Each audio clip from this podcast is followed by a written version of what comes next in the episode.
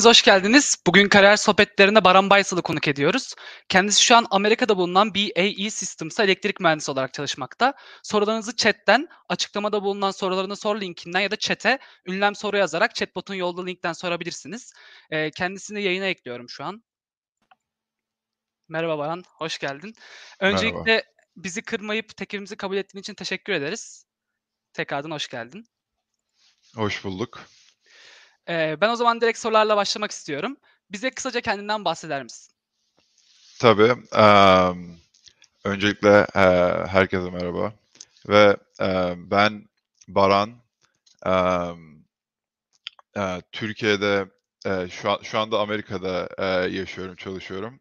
Eee, Türkiye'de büyüdüm ve eee, liseden sonra da Amerika'da RPI'de okumaya karar verdim. RPI Rensselaer Polytechnic Institute'de okumaya karar verdim ve elektrik eee, ve bilgisayar mühendisliği eee, de eee, major major yaptım.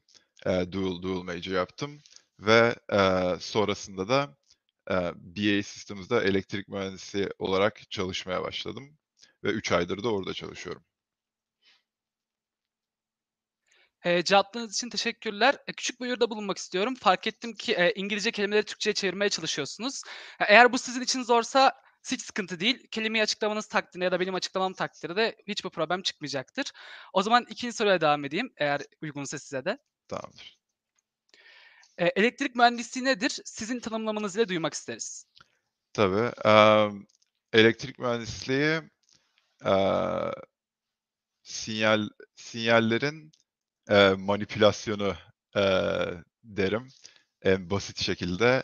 Yani em, çeşitli elektrik sinyallerini alıp onları bir şekilde değiştirip em, ku- istediğimiz e, kullanılabilir bir hale getirme eee,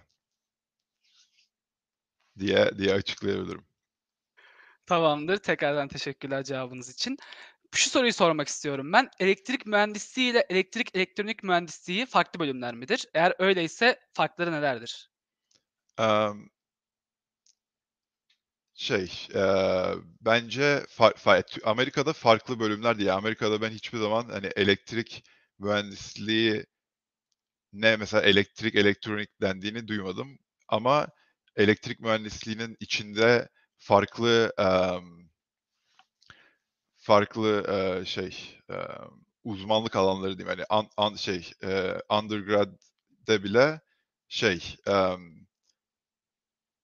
al- aldığın derslere göre bir uzmanlık alanı seçiyorsun ve bunlardan bazıları daha çok elektronik eee, ile uğraşıyor. Bazıları daha çok böyle em, enerji il- ile uğraşıyor. Eee, hani bu bu farklılığı ben orada görüyorum en çok. Yani ikisi de mesela Amerika'da ikisi de elektrik mühendisliği olarak geçiyor ama elektrik mühendisliğinin içinde o hani elektronik ve eee, power diye ikiye ayrılabiliyor. Anladım. Teşekkür ederim tekrardan. O zaman Türkiye ile ilgili, yani Türkiye'deki öğrencilere verebileceğiniz tavsiyelerle ilgili birkaç soru sormak istiyorum. Türkiye'deki öğrencilere vere- verebileceğiniz tavsiyeler nelerdir? Aynı zamanda şu soruyu ikiye bölmek istiyorum. Lise öğrencilerine nasıl bir tavsiye verebilirsiniz? Üniversite öğrencilerine nasıl tavsiye verebilirsiniz? Bu tarzda bir soru sormak istiyorum. Tabii.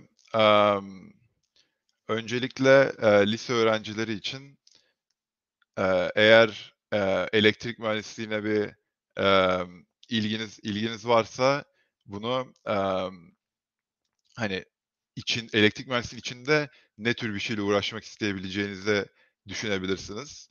Mesela emm, hani burada elektronik ve hani power eee, farkından bahsediyordum. Şey çünkü eee, yani birinci seneden sonra direkt hani emm, bir yöne doğru yönelmeniz isteniyor aslında gibi. Şey eee, o yüzden emm, hani aslında eee, aslında biraz sözlerimi biraz geri alayım. Biraz yanlış oldu. Bu daha çok üniversite öğrencilerine eee, hitaben bir şey olacaktı. Eee, lise öğrencileri için daha çok hani eee, elektrik mühendisliğine bilginiz varsa emm, hani eee, okul okul seçmeye dikkat edin derim biraz. Çünkü eee, şey elektrik mühendisliğinin emm, nerede okuduğunuz önemli oluyor. Emm, çünkü okuduğunuz okula göre eee, aldığınız derslerin özellikle lab derslerinin eee, de eee, kazandığınız tecrübe değişiyor ve emm, her ne kadar bir eee, teoretik teorik olan bir derste öğreneceğiniz şeyin hani 2 okul arasında çok bir farkı olmasa bile eee, o teoriyi tecrübeye geçirdiğiniz zaman eee, geçirmenizi sağlayacak lab dersleri çok çok önemli oluyor. O yüzden hani ü üniversite seçiminde eee, ona dikkat etmenizi tavsiye ederim. Eee, ben buna bir tane devam sorusu sormak istiyorum. Tabii. Eee, f peki, fa bildiğiniz bir üniversite var mı Türkiye'de? Şu üniversiteyi duymuştum hani iyi lab'ları olduğuna, iyi işte teknolojileri, imkânları olduğuna inanıyorum. Bir de ayrıyeten şunu sormak istiyorum. Lise öğrencileri şu an sizce hani elektrik mühendisliği istenen emin olan lise öğrencileri hemen böyle proje yapmaya başlasınlar mı yoksa önceki önce bir hani öndeki üniversite sınavlarına mı hazırlanmalılar? Yani şunu şu bakımdan sormak istiyorum. Ün şöyle bir durumda karşılaşabiliyor bazen insanlar. Kendisi çok ilgili oluyor ama ortalama bir okula gidiyor. Fakat arkada çok fazla projesi var. Bu mu daha avantajlı olur onun için kısacası? Yoksa çok daha iyi bir okula okulda okuyup daha az projesinin olması mı? Bu tarzda Emm bir değiştireyim soruyu.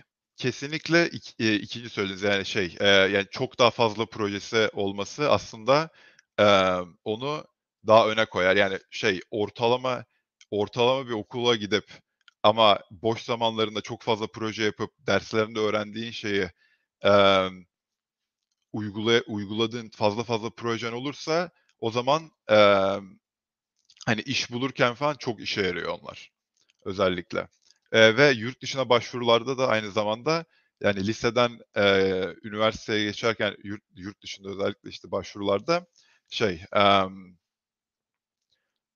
hani okullar hani ekstrakürikü şey, eee, ders dışı aktivitelere de baktıkları için her ne kadar ders dışı aktiviten belki hani, emm hani lise dersleriyle alakalı olmasa bile yine mesela işte robotik tarzı bir şey mesela uğraşıyorsundur projelerle falan. O bile mesela bir ekstra bir şey katabiliyor.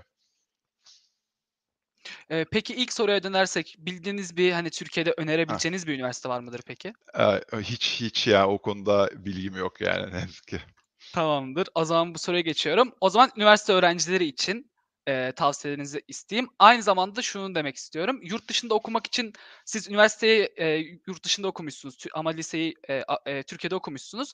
Bunun için bir hazırlık yaptınız mı? Yaptıysanız neler önerirsiniz ve yurt dışında okumanın avantaj ve dezavantajlarını sizden öğrenebilir miyiz? Tabii, öncelikle bir üniversite öğrencilerine, eee, olan tavsiyem de bence en önemli şeylerden biri aslında, eee, kodlamayı biraz öğrenebilmek. Elektrik mühendisi olarak kodlama yapmayı bilmek sizi öbür elektrik mühendislerinden çok ayırıyor. Emm, ve, eee, o yüzden, hani, şey, üniversitede elektrik mühendisliği okuyorsanız direkt, hani, ben, hani, üniversite öncesi bu lise öğrencilerinin için de bence geçerli.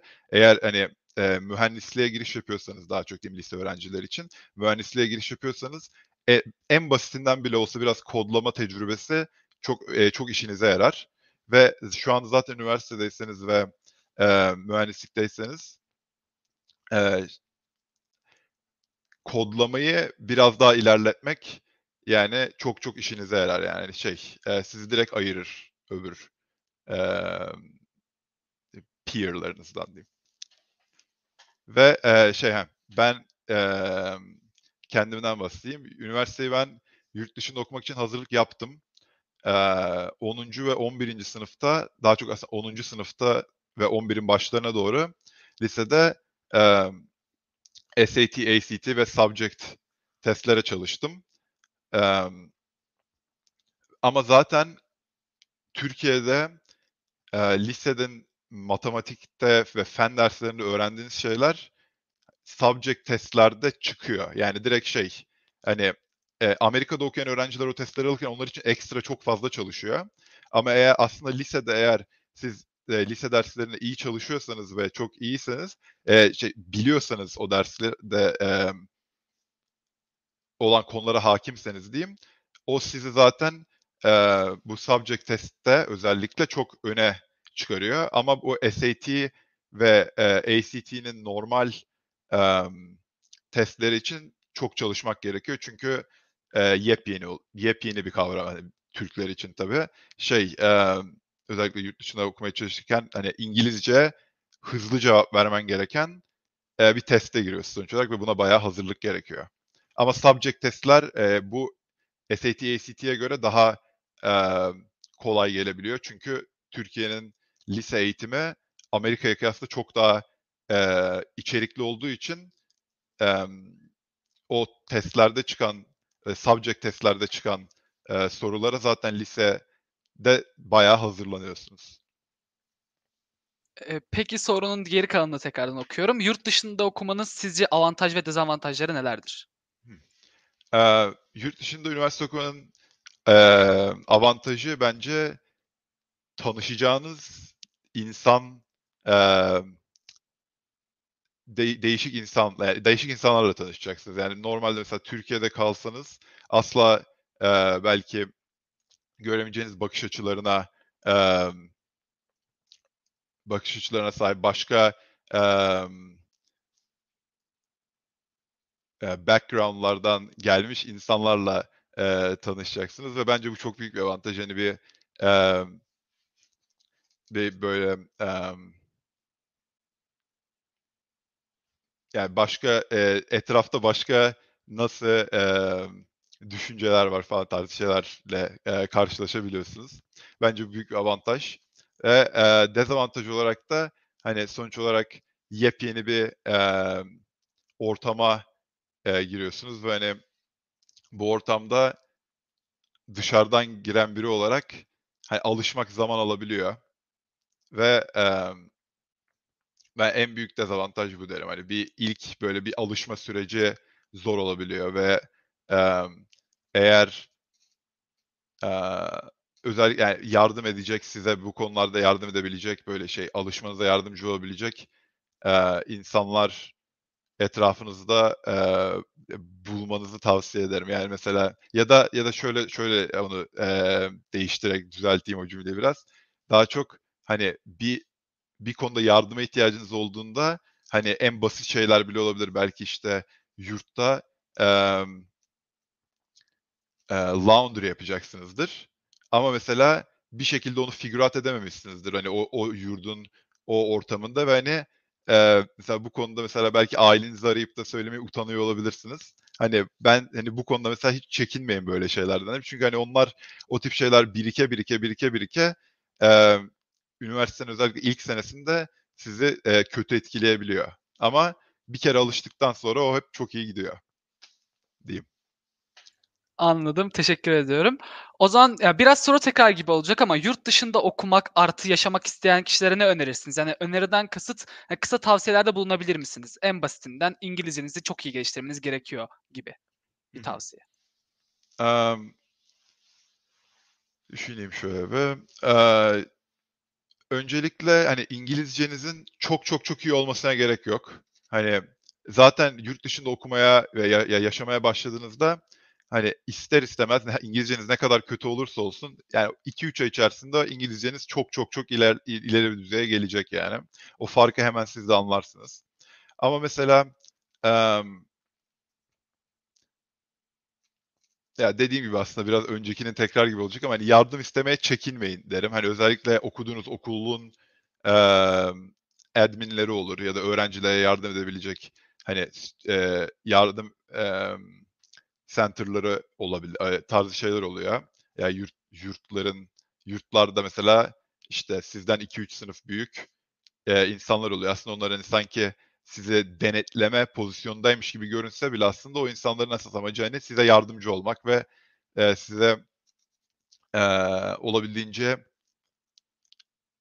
emm, iyi bir 1. sınıf ya geçirmenizi sağlamak olduğu için aslında, hani, yardım istemekten çekinmeyin derim ve, emm, dediğim gibi şey, emm aslında şey gitti üniver şey yurt dışına gideceğiniz yeri biliyorsanız da, hani, o oralarda ne yapılır? Hani, etrafında, hani, okul dışı aktiviteler ne olabilir falan tarzı şeylere de bakmanızı tavsiye ederim. Böylece, hani, gittiğinizde, emm, ilk boş vaktinizi bulduğunuzda, hani, yapabileceğiniz belki, eee, planlayabileceğiniz şeyler aslında aklınızda hazır olur. Böylece, eee, yine daha smooth bir transition, eee, yaşamış olursunuz. Hani, o yaşadığınız yeni yere alışma açısından derim. Cevabınız için teşekkür ederim. Şöyle bir soru sormak istiyorum. Bu soru genelde bizim yayınlarımıza çok geldiği için birazcık tekrar olacak ama diğer seyircilerimiz için. Okuduğum okul kötü ve GPA'im kötü. Elektrik mühendisi bölümünde etkisini ne kadar görürüm? Ya, aslında bu soruyu az önce de cevaplamıştınız ama yine de bir en azından bu konu üzerine birazcık konuşmak istiyorum şu an. Tabii. Eee, aslında, eee, şöy benim gördüğüm yurt dışında özellikle GPA'in yüksek olmasının önemli olduğu tek şey 3'ün üstünde olması. Yani eğer GPA'niz 3'ün üstündeyse, hani, 3.1 mi yoksa 3.9 mu olduğu o kadar da fark ettirmiyor. Çünkü şey, sizi eğer 3'ün üstünde değilse GPA'niz, hani, kapıdan içeri giremiyorsunuz şey açısından, hani, eee, iş başvurularında.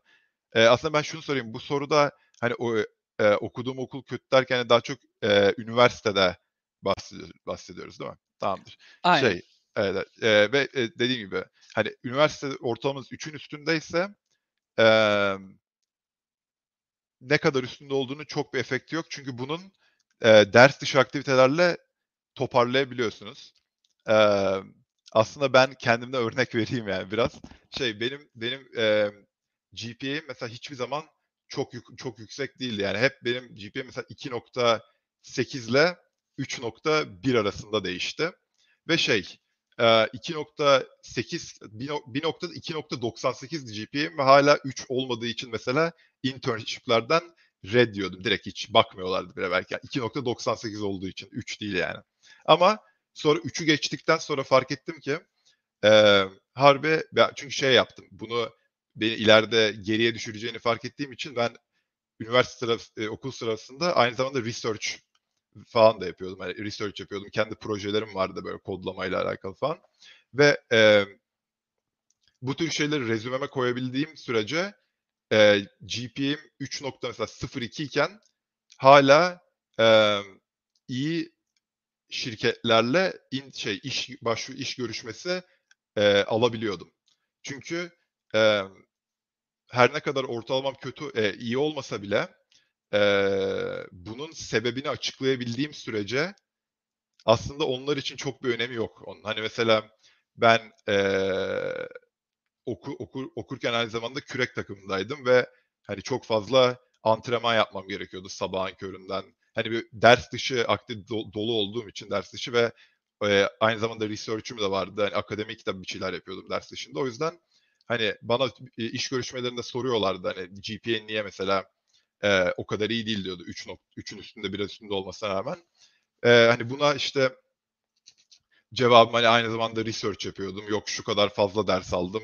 A aynı zamanda işte kürek de yapıyordum. Eee, dediğim anda onlar bir böyle bir rahatlıyor o konuda. Hani, tamam, hani, bu şey dersleri o kadar o kadar iyi olmasa bile bunu kompanse edecek bir tecrübesi en azından var yanında de dedikleri için, emm, GPA'in 3 GPA için 3'ün üstünde olduğu sürece çok bir, eee, önemi yok diyeyim daha çok. Eee, üç ama 3 3 çok önemli. Harbi 3, eee, 3'ün üstüne çıkarmanızı tavsiye ederim yani.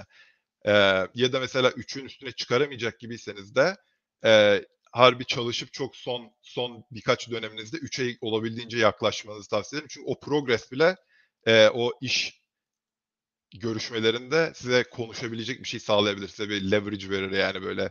Hani, benim ilk senelerimde ben bunun öneminin farkında değildim ama sonlarına doğru cidden, hani, derslerimi toparladım ve şöyle projeler yaparak yanında, eee, GPA'imi, eee, çıkarmayı başardım derseniz mesela onlar bile onu, eee, onlar onu anlar yani ve harbi, eee,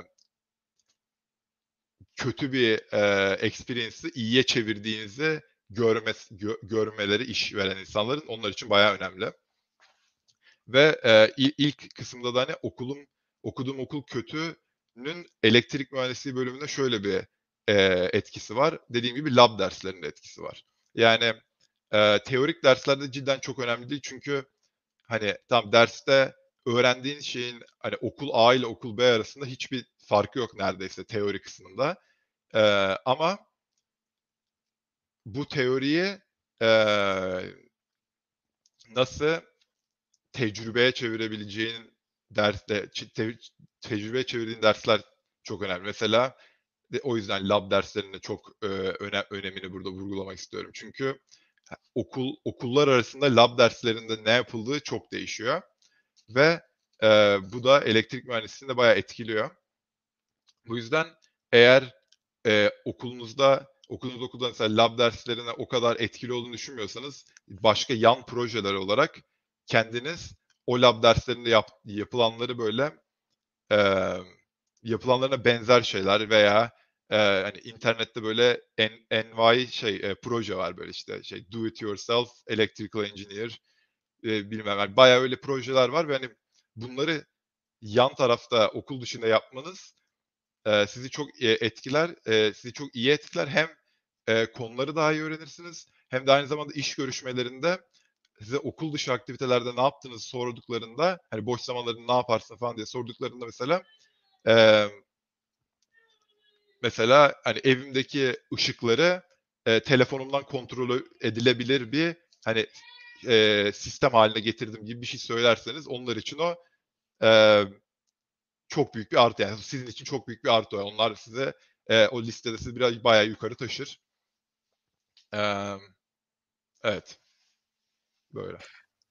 Teşekkür ederim cevabınız için. Sözde söylediğiniz şeylerden şunu çıkarıyorum. Yani GPA'niz çok çok gerçekten çok kötü olmadığı sürece hani yerine bir şeyler koyabildiğiniz müddetçe bir şekilde tolere edebiliyoruz manası sanırım. Bunu Tabii, evet. kastediyorsunuz. Hı hı. Şimdi chat'ten bir tane soru gelmiş. Onu okuyacağım. Sonrasında ise az önce konuştuklarımızla alakalı bir follow up sorusu soracağım. Tabii. Eee, O2N sormuş. Bilgisayar bilimlerin bilimlerin ile alakalı çoğu mülakatta veri yapıları ve algoritmalardan sorular soruluyor. Elektrik mühendisliğinde böyle bir şey var mı? Mülakatlar nasıl oluyor? diye soru sormuş. Tabii. Eee, şöyle söyleyeyim. Elektrik mühendisliğinde, eee, başvurduğunuz işlere göre elektrik mühendisi olarak yaptığınız iş değişiyor ve mesela bazı işler, hani, elektrik mühendisleri firmware'le de uğraşabiliyor ki burada kodlama işin içine giriyor ve, eee, kodlama işin içine girdiği için dediğiniz gibi, hani, bu, a algoritmalar ve veri yapıları hakkında sorular so sorulabiliyor. Her ne kadar çok yoğunluk o o yoğunlukta olmasa da sorulara o o iki o 2 konu üzerinde yoğunlukta olmasa da sorabiliyorlar ama hani, emm içinde hiç kodlama yapmanızı gerektirmeyecek işlerde başvurduğunuzda, eee, mesela hardware design tarzı bir işe başvuruyorsanız o zaman, eee, yani kodlamayla alakalı hiçbir soruyla karşılaşmazsınız. Yani veri yapıları ve algoritmayla alakalı hiçbir, eee, soruyla karşılaşmazsınız. Ama şöyle bir durum var. Emm hani, başvurduğunuz iş her ne kadar mesela hardware engineering işleri bu sadece, eee, size kodlamanın çok katkı vermeyeceği işler genelde, eee, bir, eee, be benim gördüğüm şekilde söyleyeyim, daha çok şey gerektiriyor. Post eee, eee, bir bir grad, eee experience gerektiriyor. Yani şey undergrad'den mezun olduktan sonra bir master ya da bir doktora bir şey gerekiyor ki size o işleri verebilsinler. Çünkü, eee, undergrad'da öğrendiğiniz hardware şeyleri, eee, o kadar yeterli olmuyor gerçek işlerde.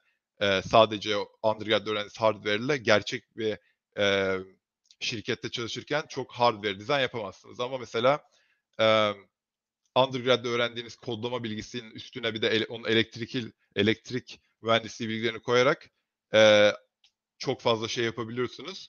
O yüzden, emm kodlama bilginizin iyi olması ve başvurduğunuz şey işlerde, hani, eğer, emm, kodlamayla alakalı bir uzaktan bile dokunuyor olabiliyorsa bu veri yapıları ve algoritmalardan sorular soruyorlar. Ama, eee, mesela 10 sorudan belki 1 tanesi onlarla alakalı oluyor ve, eee, 1 ya da 2 tanesi onlarla alakalı oluyor.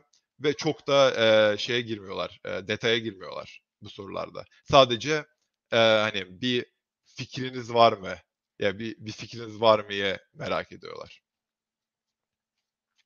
Teşekkürler cevabınız için. Ya çok fazla bunu tekrar ettiğiniz için aslında bunun üzerinde durmak istiyorum. Yine üniversite seçimine gelmek istiyorum. Hı hı. Hani üniversitede nelere sahip olmalı ve nelere sahip olmamalı? Mesela lab derslerin iyi olması gerektiğini, hani düzgün olması gerektiğini söylediniz.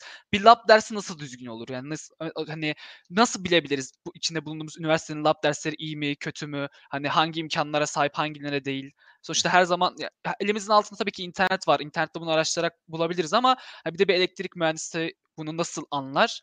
Onu duymak isteriz sizden. Tabii. Eee, bence en önemli kısım eee, şey, lab'da yaptığınızı sizden nasıl eee, sunmanızı istiyorlar gibi. Yani şöyle, o lab raporları nasıl eee grade ediliyor. Tabii aslında bu daha çok hani hangi lab dersini seçerken falan bunlara dikkat etmeniz lazım. Hani çünkü dışarıdan bakarak bunları anlamak çok zor. Ama eee, şey,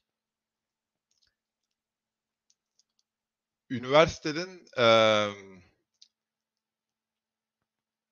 lab imkanlarına eee, bakarak ya da şöyle ne kadar research yapılıyor'ya bakabilirsiniz. Yani bir üniversitede hani başvururken o üniversite mesela elektrik eee, mühendisliğinin şey, şey dallarında ne kadar research yapıyor, ne ne kadar farklı çeşit research yapıyor da bak, bakabilirsiniz ki böylece çünkü genelde bir üniversitede eğer o research yapılıyorsa bunun için bir lab, bir altyapı olması gerekiyor.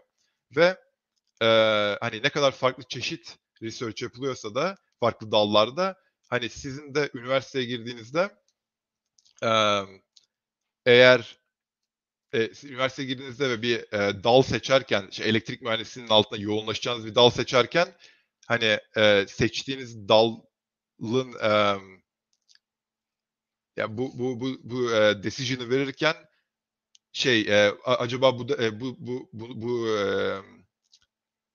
ben bu konuda yoğunlaşmak istiyorum ama e, acaba yeteri kadar iyi öğrenebilecek miyim sorusunu aslında kaldırır böyle çünkü mesela o konuda eğer research yapılıyorsa üniversitede aslında undergrad olarak bile bayağı bir şey öğrenebilirsiniz siz o konuda.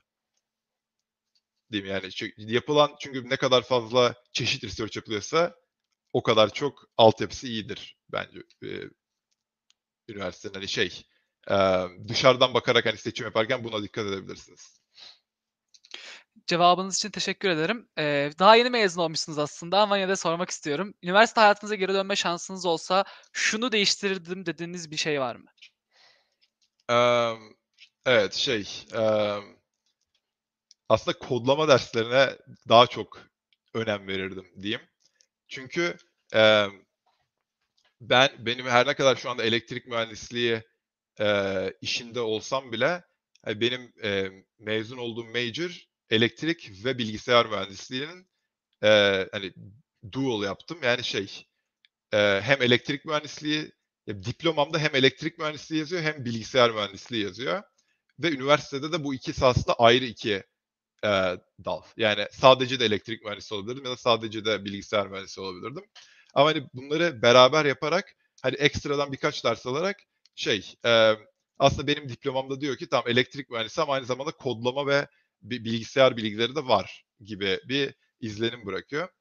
Eee, ama mesela şey ben işlere başvururken benim kodlama teorim o kadar iyi olmadığı için eee, mesela bu veri yani data structures dersinde mesela eee zamanında ben çok çok çok iyi öğrenmediğim için sonradan bunu ben çok a- acısını çektim diyeyim yani şey özellikle üniversite sonunda eee, bunu kapatmam gerekti. Bu eksiklerimi kendim kapatmam gerekti ve çok da iyi kapatamadım yani sonuç olarak e, kapattım ama eee, ya derste öğrenseydim çok daha rahat olurdu ve büyük ihtimalle şu anda olduğundan daha çok bilgiye sahip olurdum.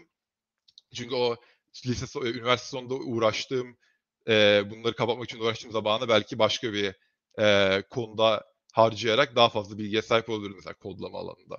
Ve eee, ve şey eee GPA'mi yukarıda tutmak isterdim daha fazla. Çünkü benim GPA'm 3'ü geçti zaman ben aslında zaten 3 ya da 4 dönemim kalmıştı eee, mezun olmama. Ve şey pardon 3 ya da 4 dönemim kalmıştı mezun olmama. Ve bu yüzden ben ilk stajlara başvururken özellikle birinci senenin sonunda ve ikinci senede e, stajlara başvururken e, bunun çok acısını çektim. Ortalamam 3'ün üstünde olmadığı için e, staj bulmam, staj e, e, seçeneklerim çok azdı e, seçerken. Ve e, bu yüzden hani elektrik mühendisi içinde bile ne yapacağımı, hani ileride ne yapmak istediğimi çok çok iyi karar veremedim hemen yani şey sırasında. Üniversite okurken, üniversitenin başında çok çok iyi karar veremedim. O yüzden üniversiteye geri dönmüş şansım olsaydı özellikle 1 ve 2. sınıf derslerinin, özellikle kolay derslerin ortalamamı e, düşürmesini enge, engelleme, engeller, engellerdim. Mi? Yani biraz daha önem verirdim o derslere yani. E, peki ortalamanız neden düşüktü? Hani dediğiniz gibi çünkü 1 ve 2. sınıf dersleri genelde temel dersler olduğu için kolay oluyor. E, Evet. ve çok mu partilediniz, çok mu eğlendiniz?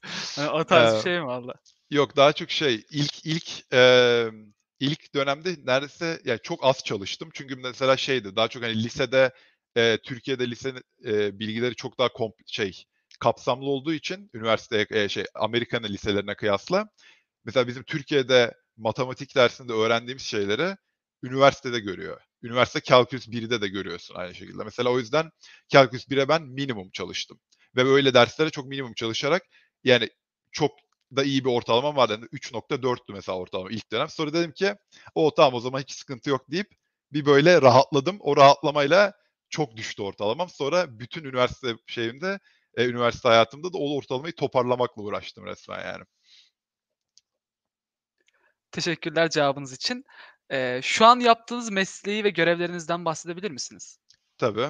Eee, şu anda ben BAE Systems'da çalışıyorum. O, on şey ka- şirketin hani e, fokusu diyeyim daha çok e, defans ve space.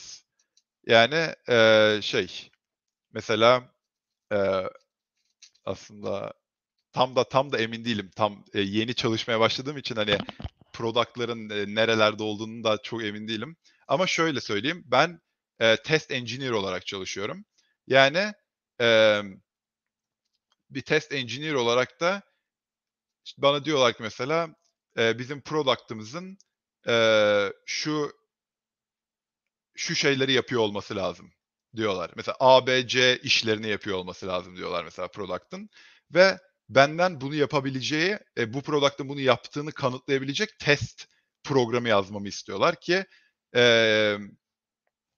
bunu test edebilelim, edebilelim. Yani şey e, ve automated test oluyor. Yani product'ı takıyorsun, start'a basıyorsun, o run ediyor. İşte hepsini test ediyor ve benden e, böyle şey bunu yazmamı istiyorlar ama e, ya da şey yavaş yavaş oraya doğru gidiyor diyeyim. Şu anda daha çok yeni 3 ay oldu çalışmaya başladı. O yüzden daha çok öğreniyorum. Hani işler nasıl e, işliyor da o test programları nasıl işliyor daha çok öğrendiğim için şu anda mesela yazılmış bir test programı oluyor. İstedikleri işi yapmıyor ya da e, yeni bir functionality eklememi istiyorlar buna. E, yeni bir functionality istiyorlar bu test programının e, test etmesini istediği. O zaman bana diyorlar ki bunu yapmasını sağlar mısın bu programı diyor. Ben bunlarla uğraşıyorum. Ama mesela e, bu biraz kodlama gibi duyulabilir her ne kadar elektrik mühendisi olsa bile. Ama e, mesela benim bunu yazabiliyor olmam için böyle bir e, program yazabiliyor olmam için e, o product'ın ne yaptığını bilmem gerekiyor çok iyi bir şekilde ve o tamamen electrical bir circuit o. Yani e, o product'ın içine giren sinyaller nasıl manipüle ediliyor çok iyi bilmem gerekiyor ki e, gerektiği gibi çalışmadığında pro- problemin nerede olduğunu anlayabilelim. Ve hani o yüzden test engineer ya yani test engineer olarak çalışıyorum dediğim gibi.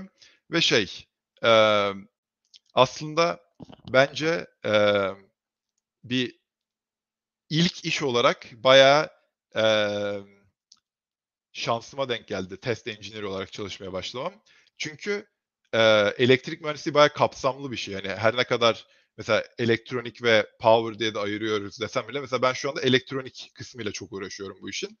Ama elektroniğin içinde bile yani çok fazla e, fokus alanı var.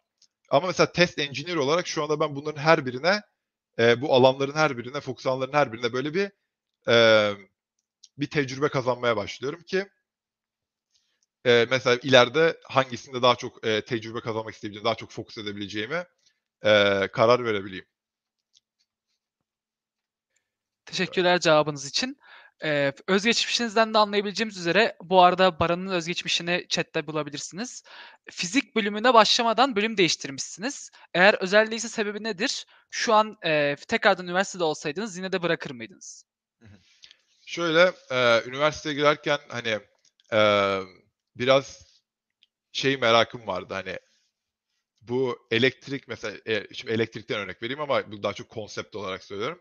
Şey, hani, mesela elektrikteki o, eee, akım nasıl, niye öyle çalışıyor ya da niye o akım oluşuyor? Ya bunların hepsinin bu tür konseptlerin, hani, nedenini merak ediyordum. Sonra, ve hani bunu öğrenmek için fiziğin iyi olabileceğini düşünmüştüm. Ama sonradan, hani, biraz bunun üstüne biraz daha düşününce çünkü bir de Amerika'ya başvururken şöyle bir rahatlığım vardı. Hani okula her ne kadar okula bir kere kabul edildikten sonra bölümümü değiştirmem onlar için hiç önemli değildi yani. Ben, hani, fizik diye giriyorum ama sonra istersem za dediğim gibi direkt elektriğe değiştirdiğimde kimse, hani, neden diye çok fazla sorgulamıyor. O yüzden şey, eee, biraz rahattım, hani, ilk seçimimi yaparken, hani, okula başvururken hangi bölüme başvurduğum konusunda ve, eee, bu ilk dediğim gibi nedenlerini merak ettiğim için, hani, eee, gördüğümüz, kullandığımız o, eee, her gün kullanılan aletlerin, hani, nasıl en base level'da nasıl çalıştığını merak ettiğim için de, eee, hani, fizik okumak istemiştim biraz böyle şey, en basit derste öğrendiğimiz, hani, eee, akım formülası vır derler, V eşittir I R mesela formülesinin neden öyle olduğunu merak ediyordum mesela. O tür şeyleri öğrenebilmek için fiziğin iyi olabileceğini düşünmüştüm. Sonra ama, emm daha çok, hani, aplikasyonlarını, ö yani fiziğin çok base level olduğunu anladım sonradan. Başvururken biraz araştırma yaptım ve, hani, fizik fazla, eee, base level kalıyordu bu konularda mesela. Eee, elektrik mühendisliğinde, nin içinde başka fokus alanlarından birinde mesela da bunları öğrenebilirdim. O yüzden, hani, ve, hani, ne kadar da, eee, ve hangi fokus alanında gitmeyi çok bilemediğim için ama eee, ilgimin de, işte, elektrik ve bilgisayar üstüne olduğu için şeye karar verdim, hani, daha çok elektrik ve bilgisayara gideyim. İleride eğer çok çok merak ediyorsam, hani, belki master, doktora için falan fizik yapar yaparım diye düşünmüştüm. Ki nitekim yapmaktan vazgeçtim. Yani harbi hata olurmuş benim fizik olarak okumaya başlamam yani. O yüzden iyi bir karar verdiğime inanıyorum o konuda. Teşekkürler cevabınız için. Chat'ten gelen bir soruyu okumak istiyorum. Voz sormuş. Amerika'da havacılık ve uzay şirketleri genelde vatandaşı olmayan mühendislere pek fazla yetki vermiyorlarmış. Bu doğru mu? Bir tanıdığım SpaceX'te ne kadar iyi olsan da vatandaş değilsen olmaz demişti. Yani çalışman zor demişti demiş. Tabii, eee, benim şey, eee, aslında ondan bahsetmek var da ben Amerika'da doğdum. Yani ben, eee, Amerika'da doğdum. Sonra ama 1 sene sonra yani şey, benim ailem, eee, doktora ve postgrad işleriyle uğraşırken ben Amerika'da doğmuştum. Sonra onlar, hani, Türkiye'de yaşadıkları için 1 sene sonra Türkiye'ye döndüler ve ben Türkiye'de büyüdüm. O yüzden ama Amerikan vatandaşlığım olduğu için şu an çalıştığım şirkette çalışabiliyorum. Çünkü bu aslında bir prerequisite'ti. Benim çalıştığım en azından sektör için ya da daha çok, hani, eee, bir prerequisite olduğu için çalışabiliyorum. Ama, emm hani, bu elektrik mühendisliği çok merak Ben başka bir şirkette de çalışabilirdim. Amerikan vatandaşı olmama da gerek olmazdı. Çünkü genelde iş başvuruları yaparken söylüyorlar onu. Şey, yazıyor orada, hani, bu pozisyonun için Amerikan vatandaşı olmanız gerekiyor diyor mesela. O zaman, eee, değilseniz, hani, başvuramıyorsunuz bile ama, eee, bunu mesela ben iş ararken be belki 150 tane falan işe başvurmuşumdur mezun olduktan sonra bir iş bulana kadar ve bu 150 tane pozisyondan belki 5 tanesinde falan sadece bu soru çıktı karşıma yani. Anladım, teşekkür ederim. RPI'de okuduğundan okuduğunuzdan bahsetmiştiniz. RPI'yi bilinçli bir şekilde mi seçtiniz? Eğer öyleyse, hani, çünkü lisede bu bunun hazırlığını yapmaya başladığınızı söylediniz. Eğer öyleyse neden RPI? Tabii. Şöyle aslında, ben ilk önce lisede, hani, yurt dışına Amerika'ya gitmek istiyordum ve şey, eee, 10. sınıfta bu için buna hazırlanmaya başladım. Ama, hani, 10. sınıf bitti, 11'in de ortasına geldim. Hani, bütün şey, eee, skorlarım falan elimdeydi ve, yani, başvurular için aslında her şey hazırdı benim Amerika başvuruları için. Ama sonra daha çok şeye döndüm, hani, biraz, hani, Türkiye'ye de hazırlanayım ben ne döndüm. O yüzden ve Türkiye sınavlarına hazırlanmaya başladım. İşte YGS, LYS çalıştım çok fazla ve, emm, ve Amerika'dan da biraz vazgeçtim aslında, hani, ilk başlarda. Sonra benim babam RPI'de eee, profesör yani şey eee, hoca olarak çalışıyor. O yüzden hani o biraz ısrar etti şey konusunda. Hani dede her ne kadar Türkiye'de okumak ister bu başvuru tarihlerine gelirken daha üniversite sınavlarından bile önce şey hani eee, her ne kadar hani Türkiye'de okumak istesem bile bir opsiyonun olsun en azından falan diye hani RPA'ya da başvurdum. Aslında Amerika'ya gitmek istemiyordum yani şey e, okumak için ama sonra e, üniversite sınavlarından sonra hani beklediğim kadar iyi geçmedi. Hani tek sebebi bu değil demeyeyim ama şey hani beklediğim kadar iyi geçmedi ve e, şey da kabul edilmiştim ve bunun üzerine hani şey düşünmeye başladım hani biraz bir 5-10 sene içerisinde hani mesela Türkiye'de okusam veya okuyup nereye gelebilirim veya Amerika'da okuyup nereye gelebilirim? Bir düşünürken hani biraz da tabii, tabii bu böyle diyorum ama hani üniversite sınavının da etkisi vardı bu konuda tabii. Ee, şey e, hani o yüzden Amerika seçimini yaptım ve şey e, RPI'de öyle devam ettim. Teşekkürler cevabınız için. Yaptığınız mesleği şu an ve gelecekte nasıl tanımlarsınız? Nerede görüyorsunuz? Eee Şimdi dediğim gibi şu anda hani yaptığım yaptığım meslek derken hani elektrik mühendisliğinin e, Aynen. Genel olarak elektrik mühendisliği şu an hani günümüzde konum olarak şu an mesela bilgisayar mühendisliği biraz daha önde görüyor, görülüyor genelde toplumda. Hı hı. Hani siz elektrik mühendisliğini nereye koyarsınız? Gelecekte yeri nerede olacak? Tahminleriniz artık hani Tabii. öngörüleriniz. Eee, ben şöyle söyleyeyim. Bence elektrik mühendisliği eee, şu anda çok çok çok önemli bir mühendislik eee, dalı. Özellikle eee, yani bilgisayar mühendisliğiyle bence hani kapışabilecek bir seviyede yani. Özellikle şey ya da kapışabilecek değilse de hani biraz arkasından eee, geliyordur.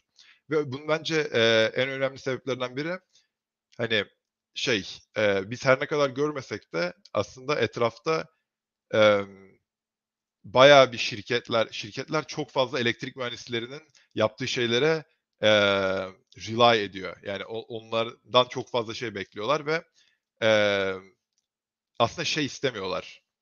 Eee, iki farklı insan eee, ha, eee, şey hire etmek istemiyorlar. Sadece mesela hem elektrik mühendisi bir tane elektrik mühendisi alalım, bir tane de kodlama bilen birini alalım çok istemiyorlar. Daha çok hani eee, şey bir küçük bir birim elektrik mühendisi oluyor ve bunun yanında çok fazla kodlama bilen insanlar oluyor genel olarak. Ama şey e, elektrik mühendisliği yap biliyorsanız ve eğer kodlamanız da çok iyiyse sizi o zaman mesela normalde düşünmezlerken bile 6. elektrik mühendisi olarak alabiliyorlar. Çünkü biliyorlar ki siz e, sene, birkaç sene içerisinde e, tecrübe kazanmaya başladığınızda hani aslında iki kişinin yeri iki kişinin işini yap, yapabilecek kadar iyi bir e, bilgi birikimine sahip oluyorsunuz. Yani iş e, iş yoğunluğu açısından iki kişinin işi değil de hani mesela bir iş çıkar kodlama bilgisi gerekir size verirler ya da bir iş çıkar elektrik bilgisi gerekir yine size verirler ve elektrik mühendisliği bunu yapabileceğiniz e, bunu yapabilmeye e, kendinizi böyle eğitebileceğiniz iyi bir e, mühendislik. Yani şey e, mesela belki mechanical engineer yani mekanik onu tabii tam Türkçesine bilmiyorum. Mesela mechanical engineering olarak e, okumuş biri olarak belki kodlama bilginiz çok iyi olsa bile mechanical engineering ile kodlamanın kesiştiği çok fazla yer olmayabilir. Ama mesela elektrikle kodlamanın kesiştiği çok fazla yer olduğu için iş veren insanlar e, daha çok hem elektrik bilgisi hem de iş, şey kodlama bilgisi çok yüksek olan insanları arıyor. Şu anda bu böyle. Gelecekte bence e, bu daha da çok artacak. Ama bu bence elektrik mühendislerinin dezavantajını artacak. Yani kodlamanın önemi çok daha fazla artacak ve eğer e, eğer hani bir elektrik mühendisiyse, mühendisiyseniz ve kodlama bilginiz böyle ortalama bir yerlerdeyse sadece kodlama bilen biri belki sizi geçecek direkt. Demek yani gelecekte buraya doğru gidiyor bence biraz. Özellikle sadece undergrad level için ama mesela e, elektrik mühendisisinizdir, üstüne de doktora yapmışsınızdır. Yine sadece elektrik mühendisliği. E, bunu tabii hala arayan çok fazla insan olacağını, çok fazla işveren olacağını tahmin ediyorum. Teşekkürler cevabınız için. Chat'ten bir tane soru gelmiş. Tam olarak anlamadım ama enerji mühendisliği ne diye de sorar mısınız demiş. Sanırım sizin düşüncelerinizi istiyor. Hani enerji sistemleri mühendisliği. Hı hı. Eğer hala bizi izliyorsanız birazcık sorunuzu açarsanız daha iyi olur. Hani ne hakkında sormamızı istiyorsunuz. Siz yine de hani genel olarak bir fikir istiyormuş gibi düşünebilirsiniz. Tabii. Eee, şöyle söyleyeyim. Benim tahminim biraz, eee, bu soru hakkında şey, yani, her ne kadar, hani, elektronik ve elektrik, elektronik ayrımı vardıysa, aaa, Türkiye'de belki, hani, enerjinin ayrımı da var ama mesela dediğim gibi Amerika'da bence bu enerji mühendisi şeyin içine giriyor, elektrik mühendisliğinin içinde. Eee, dediğim gibi, hani, power dediğim kısım aslında enerji mühendisliği oluyor. Hani, elektronik, elektrik mühendisliği enerji, yani power, enerji mühendisliği ve elektronik, eee, mühendisliği olarak ikiye ayrılıyor. Çünkü, eee, şey, üniversitede bu, eee, 1. 2. sınıf derslerini atlattıktan sonra elektrik elektrik mühendisliği okuyan herkesin, emm hayır, daha çok şimdi şey, geleceği için ne düşünüyorsunuzu gördüm. Şey, emm şöyle söyleyeyim onu, emm aslında bu konuda çok fazla, hani, yorum yapmam doğru olmaz. Çünkü ben, eee, üniversitedeyken sadece 1 tane enerji mühendisliği hakkında ders aldım ve başvurduğum işlerin hiçbiri enerji mühendisliğiyle alakalı değildi. Hani, o yüzden çok bir fikrim yok bu konu hakkında. Ama, eee, şey, önceki söylediğime dönersem hemen, bu, işte, elektrik mühendisliği dediğim gibi, hani, enerji mühendisliği ve elektronik mühendisliği gibi, hani, 2 main, eee, ana şeye ayrılıyor yani bence temelde. Ya, en azından, eee, 3. ve 4. sınıf derslerini seçerken buna göre seçiyor insanlar genelde, hani, yoğunlaşacağı yere göre. Eee, cevabınız için teşekkürler. Chat'ten okumaya devam ediyorum. Ege sormuş. Merhabalar, kontrol mühendisliği konusunda ne düşünüyorsunuz? Kontrol teorisi sizce sektörde karşılığı var mı? Yoksa kontrol teorisi yerini makine öğrenimi vs.ye mi bırakıyor diye soru sormuş.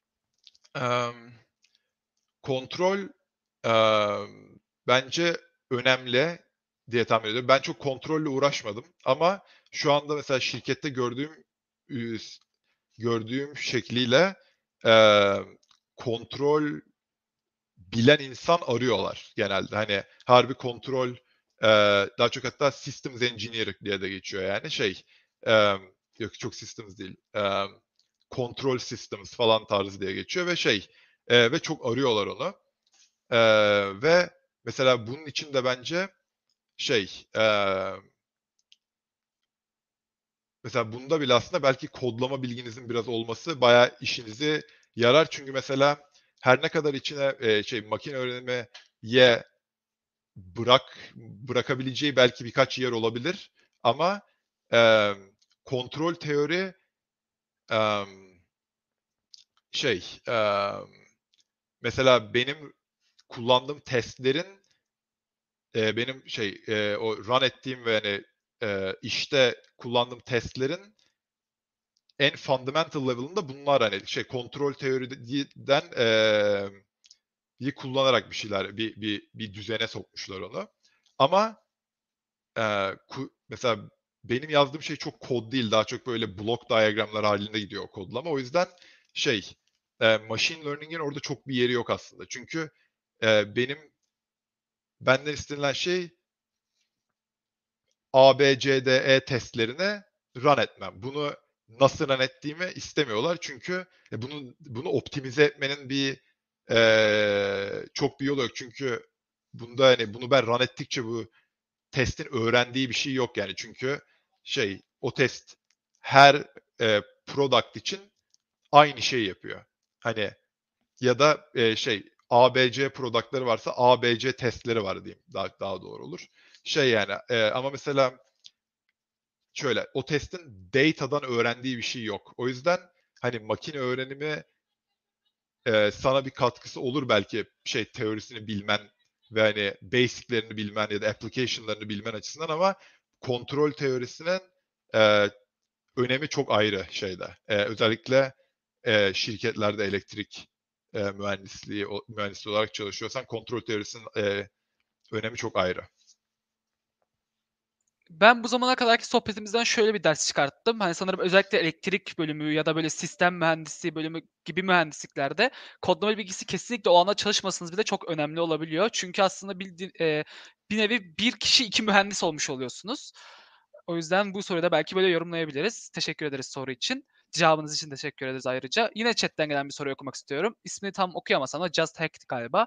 Bilgisayar mühendisliği genelde master yapılsa da yapılmasa da kolaylıkla iş bulabiliyorlar. Elektrik mühen mühendislerinde de böyle mi? Çünkü bilgisayar mühendislerine göre çok teorik görüyoruz ve uygulamalar ve lab'lar çok az etkili oluyor.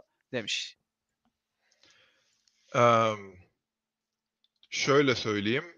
Bir yani ben iş ararken herkes bana şey dedi hani benim diplomamda şey yazıyor işte bilgisayar mühendisi e, şey e, hani electrical engineering and computer and systems engineering yazıyor. Hem yani system da var aslında orada ama şey herkes dedi ki herkes bütün iş yerleri bunu arıyor. Hani çok iyi iş bulacaksın falan dediler ama hani bence mesela benim ortalamam öyle çok çok çok çok iyi olmadığı için e, ben o kadar kolay iş bulamadım mesela. Yani birkaç ay sürdü iş bulmam diyeyim ya da şey e, ama mesela bilgisayar mühendisliği okuyan arkadaşlarım çoğu e, daha okuldan mezun olmadan hani çok rahat iş bulabiliyorlardı. Bence electrical engineering'de şey e, özellikle hani kodlama bilmiyorsanız diyeyim. Çünkü kodlama bilmediğin anda şey azalıyor. E, iş arayabileceğin yani başvurabileceğin işler çok azalıyor. Ve eğer bir master'ın doktoran yoksa da doktoran yoksa da ve e, elektrik mühendisliği dışında bir şey getiremiyorsan işe o zaman diyorlar ki yani ben neden sadece hani elektrik mühendisliği mesela teorilerini bilen sadece undergrad elektrik okumuş birini alacağıma hani master yapmış birini alırım biraz daha fazla bilgisi var diyor. Ve e, veya diyor ki bunun ya da kodlamasını bilen birini alırım ya da hani o yüzden şey electrical engineering bence master master önemli baya. Ya da ço- şey undergrad'da çok fazla proje yapmış olman lazım. Ee, yani elektrik mühendisliği dışında okul dışı bir şey getiriyor olman lazım onlara yani. Eğer bir master'ın yoksa ve master'ın yokken GPA'in 3.8, 3.7 falan değilse yani. Teşekkürler cevabınız için. Kendi sorularıma dönüyorum. Ee, aslında yayının başından beri bunu konuşuyoruz ama bir saniye şu soruyu da kaldırayım. Yayının başından beri bunu konuşuyoruz ama bir elektrik mühendisliğini diğerlerine göre öne çıkaracak faktörler nelerdir? Yani daha da informal bir şekilde sormak gerekirse bir elektrik mühendisinin diğerine göre daha çok iş bulunmasını ve daha çok para kazanmasını, daha yüksek paralar kazanmasının anahtarları nelerdir? Ben hani kendime bir tanesini cevaplayayım sizin dediklerinize göre. Yani kesinlikle o zaman kodlama bilgisine ihtiyaçları var. Hani durumda çalışırlarsa çalışsınlar. Diğerleri için de cevabınızı bekliyoruz. Evet yani bence cidden en en en en en en önemlisi harbi kodlamayı biliyor olmanız ve e, şey okul dışı bir proje yapmış olmanız yanında ya da okulda yani ders dışı bir proje yapmış olmanız e, şey mevzuda undergradken belki bir tane hocayla bir research projesinde çalışmış olmanız veya derslerde öğrendiğiniz şeyler hakkında hani kendi zamanınızda işte projeler yapıyor olmanız çok önemli ve bunları da mesela rezümenize koymuş olmanız çok önemli. Diyeyim. Evet. Teşekkürler cevabınız için. Yavaştan da süremizi doldurmaya başladık. Benim son bir 2-3 sorum kaldı. Onları sorayım. Ondan sonra chatten gelen sorular olursa onları cevaplarız. Ve sonunda da toparlarız. Ee, ilk profesyonel iş gününüz nasıl geçti? İlk iş gününüzden bahseder misiniz? Tabii. E, ilk profesyonel iş günüm şey e, işe işte gittim ve şey e, beni manager'ım karşıladı. E, patronum karşıladı ve işte şey e, ilk önce e, işte hani badge, badging prosesi hani harbi kendi başıma işte dolaşabilmemi sağlayabil beni kendi başıma hani kimse yok yanımda istediğim yere işte girebileceğim pozisyona getirdik. İşte hani böyle badge'dir, işte bilgisayarım verdi mesela. Hani bu tür şeylerle uğraştı. Bir onboarding e, prosesi vardı bunun birkaç saat süren. Sonra da e, işte benim e, çalıştığım takımla çalı- tanıştırdılar beni. İşte test engineering departmanın diyeyim. E, böyle şey şirketin test engineering departmanında e'nin içinde benim çalıştığım işte bir 5-6 kişi var. Yani o, o grupla tanıştım ilk önce. E, ve o, o tanışmadan sonra da hani de, dediler ki işte senden şu trainingleri yap bekliyoruz yapmanı. İşte bu klasik bütün iş, iş şirketlerde bu trainingleri yapmanı istiyorlar. Yani labda çalışacaksan ona uygun trainingler falan.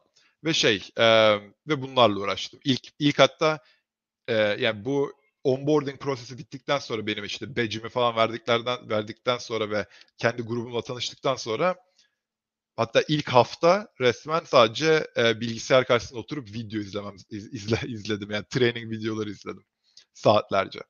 Ama ilk haftanın sonrasında direkt çalışma işine, işine girdim direkt. Yani bana tasklerimi vermeye başladılar ve yani oradan sonra başladı iş.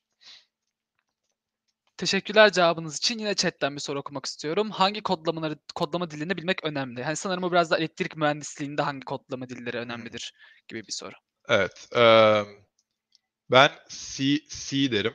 C, C veya C Sharp ikisi yani o çok önemli.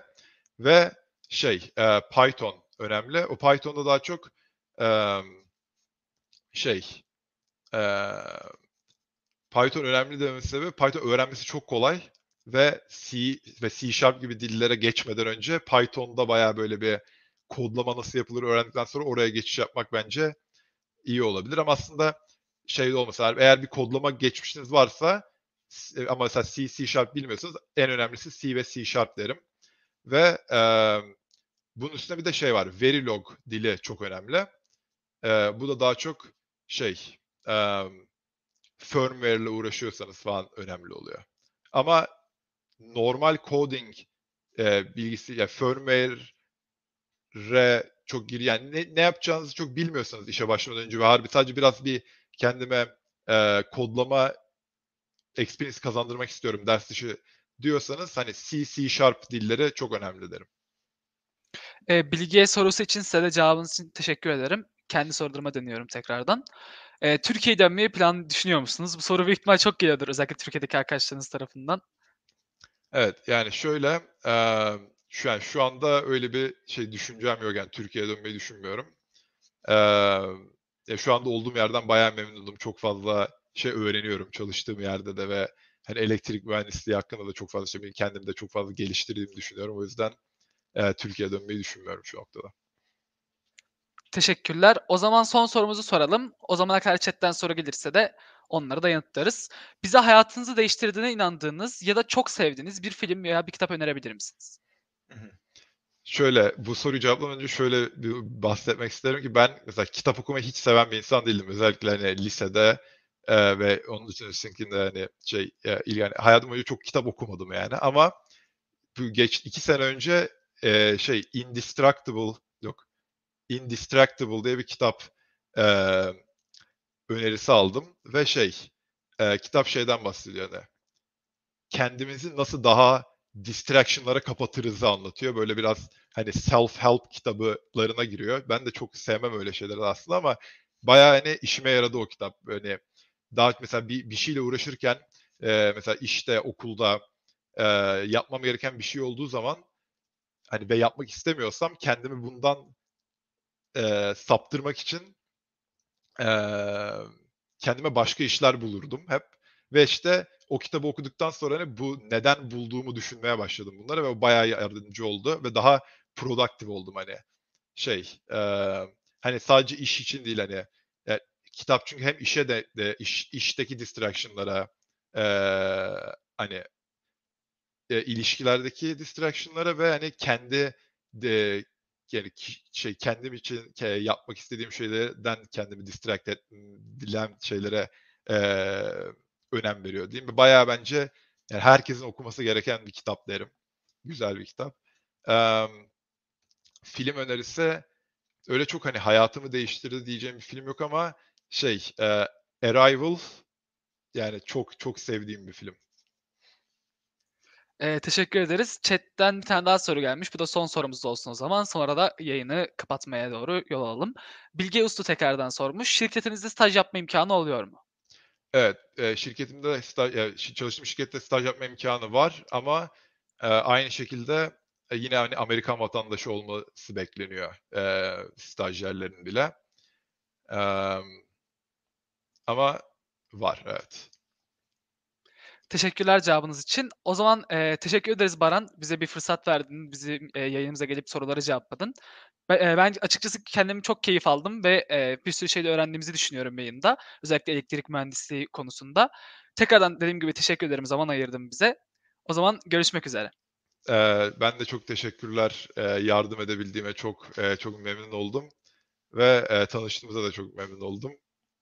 Umarım umarım izleyen izleyen insanlar da şey bir bir ya- bir katkım olmuştur. Ve Ya, çok teşekkürler. Ben olduğuna Ağırladığınız eminim açıkçası. Bence çünkü gayet güzel ve açıklayıcı cevaplarda bulundun. Tekrardan teşekkürler. Görüşmek üzere. Görüşmek üzere. Eee, bu yayının da sonuna geldim. Teşekkür ederiz öncelikle izlediğiniz için. Bundan sonraki yayınlar için Kesiyen Yollar hesabını, ta Kesiyen Yollar YouTube kanalını takipte kalmayı unutmayın. Onun dışında diğer sosyal medya hesaplarımız ve kanallarımız da açıklamada mevcut. Oradan da bize ulaşabilirsiniz. Kendinize iyi bakın. Kesiyen Yollar'la birlikte kalın.